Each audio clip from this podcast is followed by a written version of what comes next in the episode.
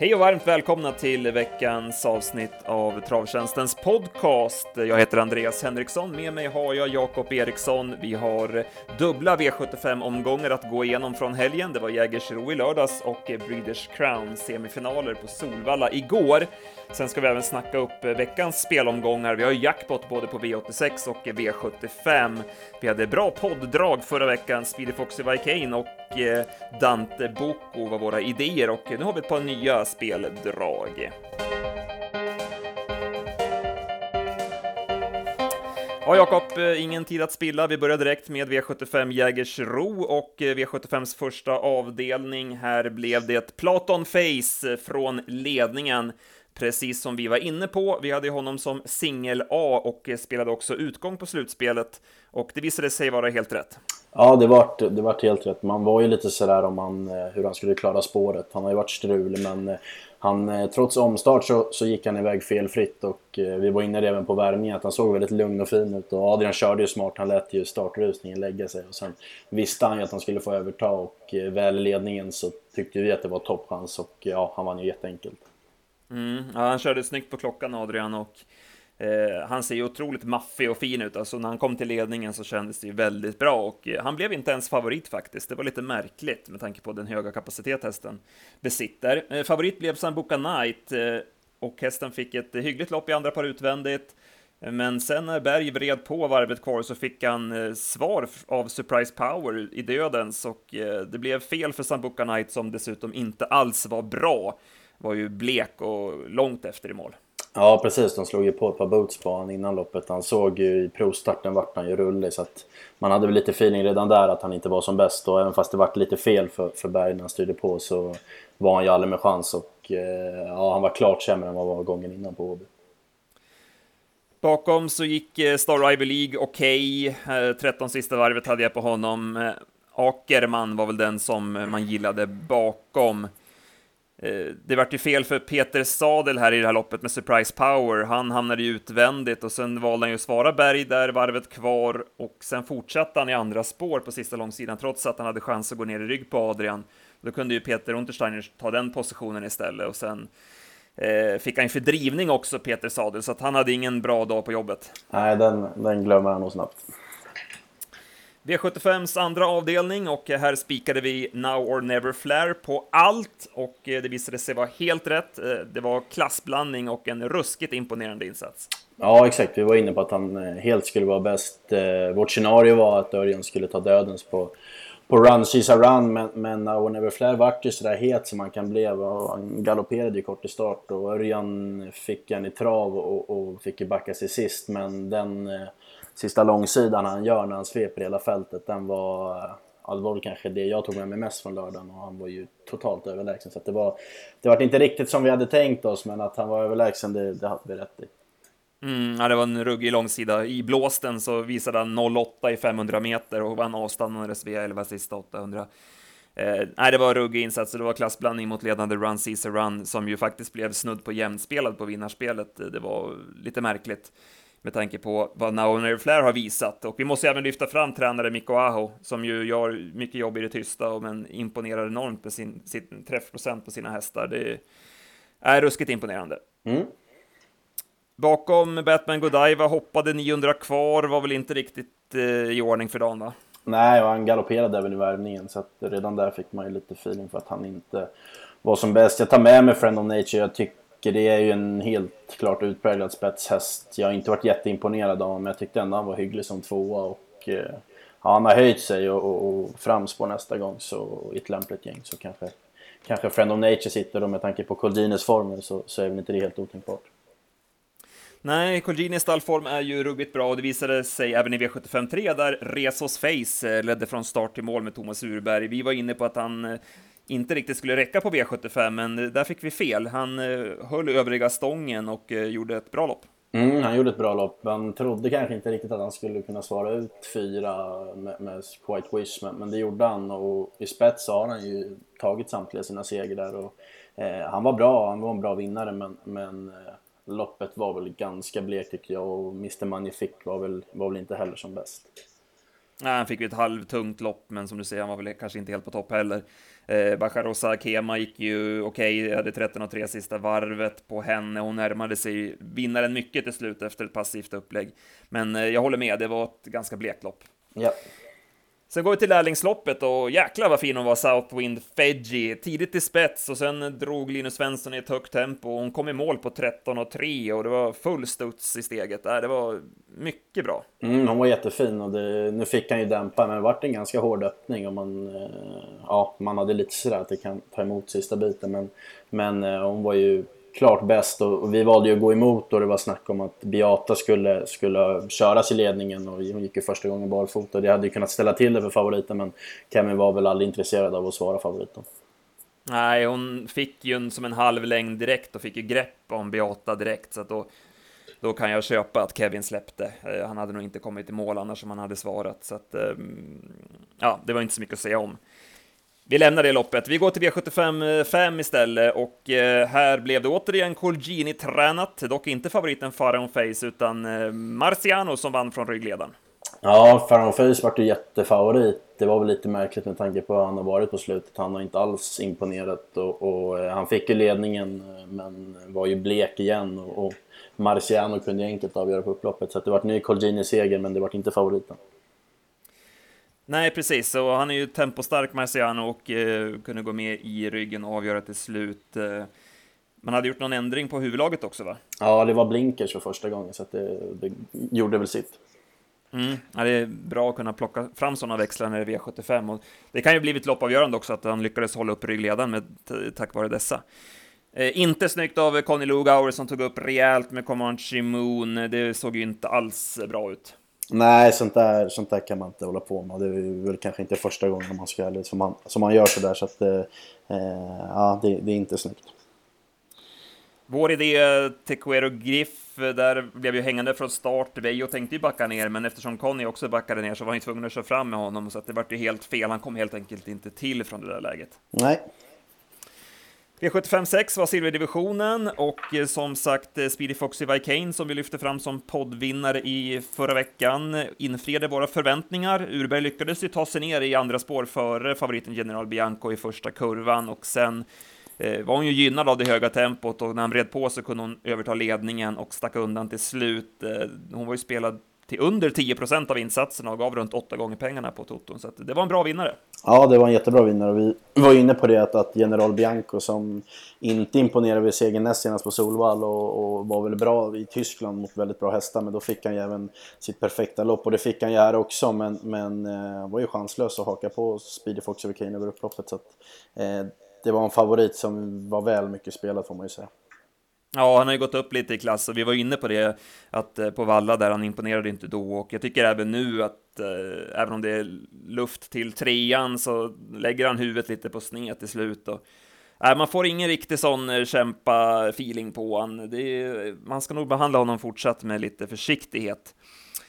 Pajas Face eh, kom ju till ledningen eftersom Broadway Apollo galopperade, blev ju rullig och hoppade i spets, eh, men det var ju alldeles för tuff körning. Det var ju 11 och 2 första tusen och då klarar inte Pajas Face att stå till mål. Nej, precis. Vi hade ju lyft upp honom som ett skrälldag. Han var ju kul från ledningen, men, men det var ju jättekörning från början och sen så kom ju Kennecke med Amazing Dynamite så det var ju alldeles för tufft och eh, han är ju inte den, den största kämpen till slut så att det, han slocknade helt.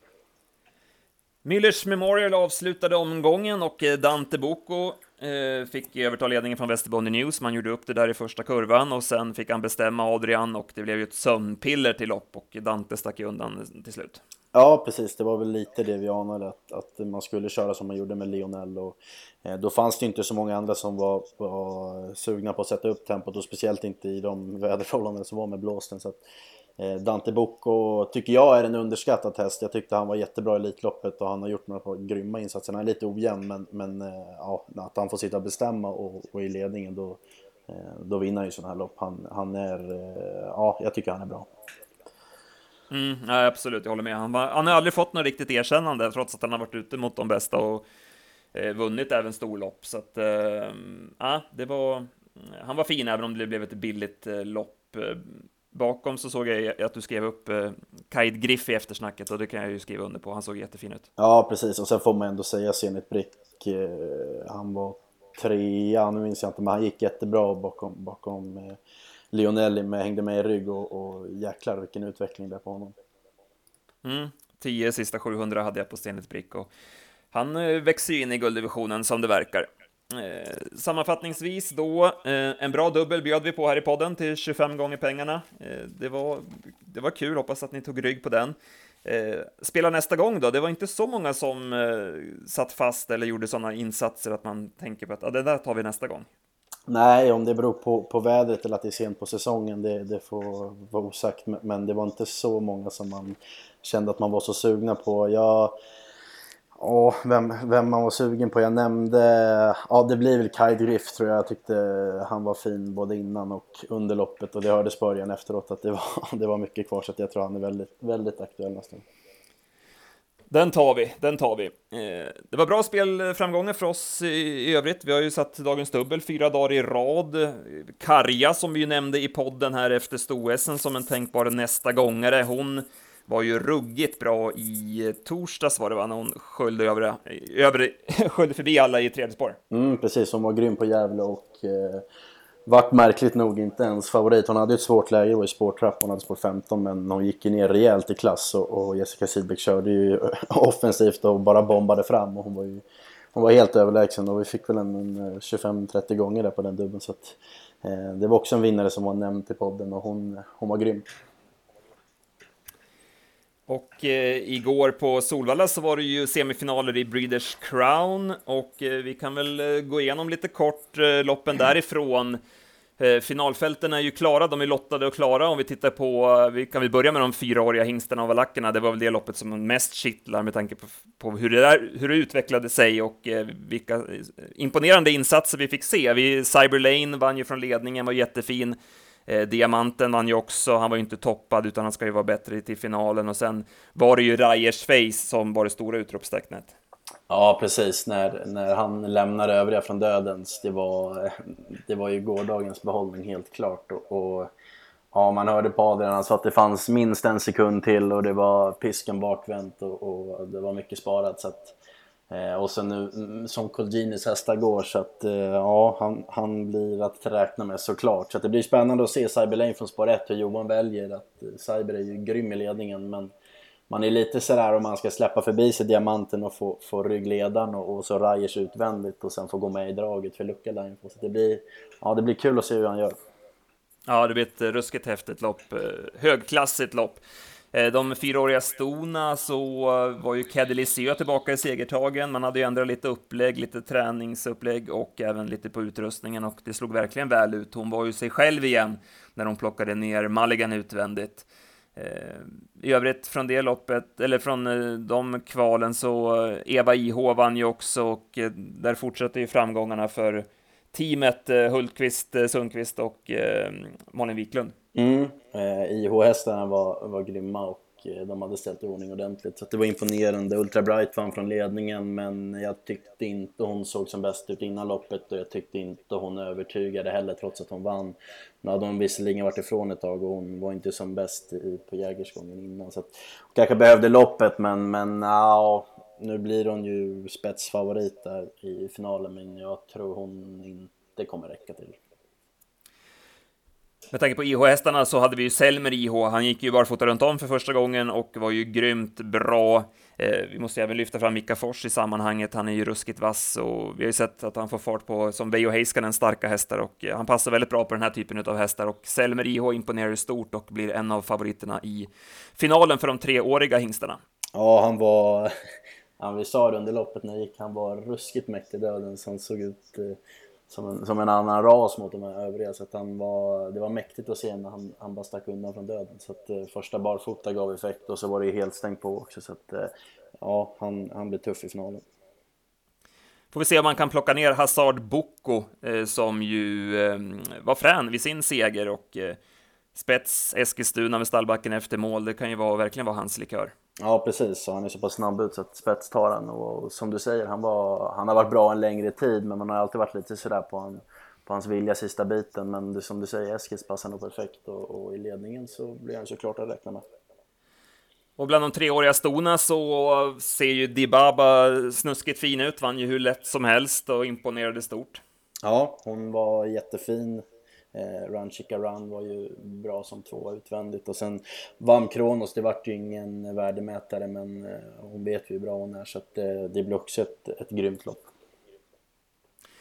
Candy Lamarck, eh, Oaks-vinnaren, hon vann igen och eh, ja, hon är, hon är rätt svår att ta till sig när man tittar på henne sådär med, hon ser lite bonnig ut i stilen, men det är jäkla motor i hästen och hon fortsätter att eh, överraska.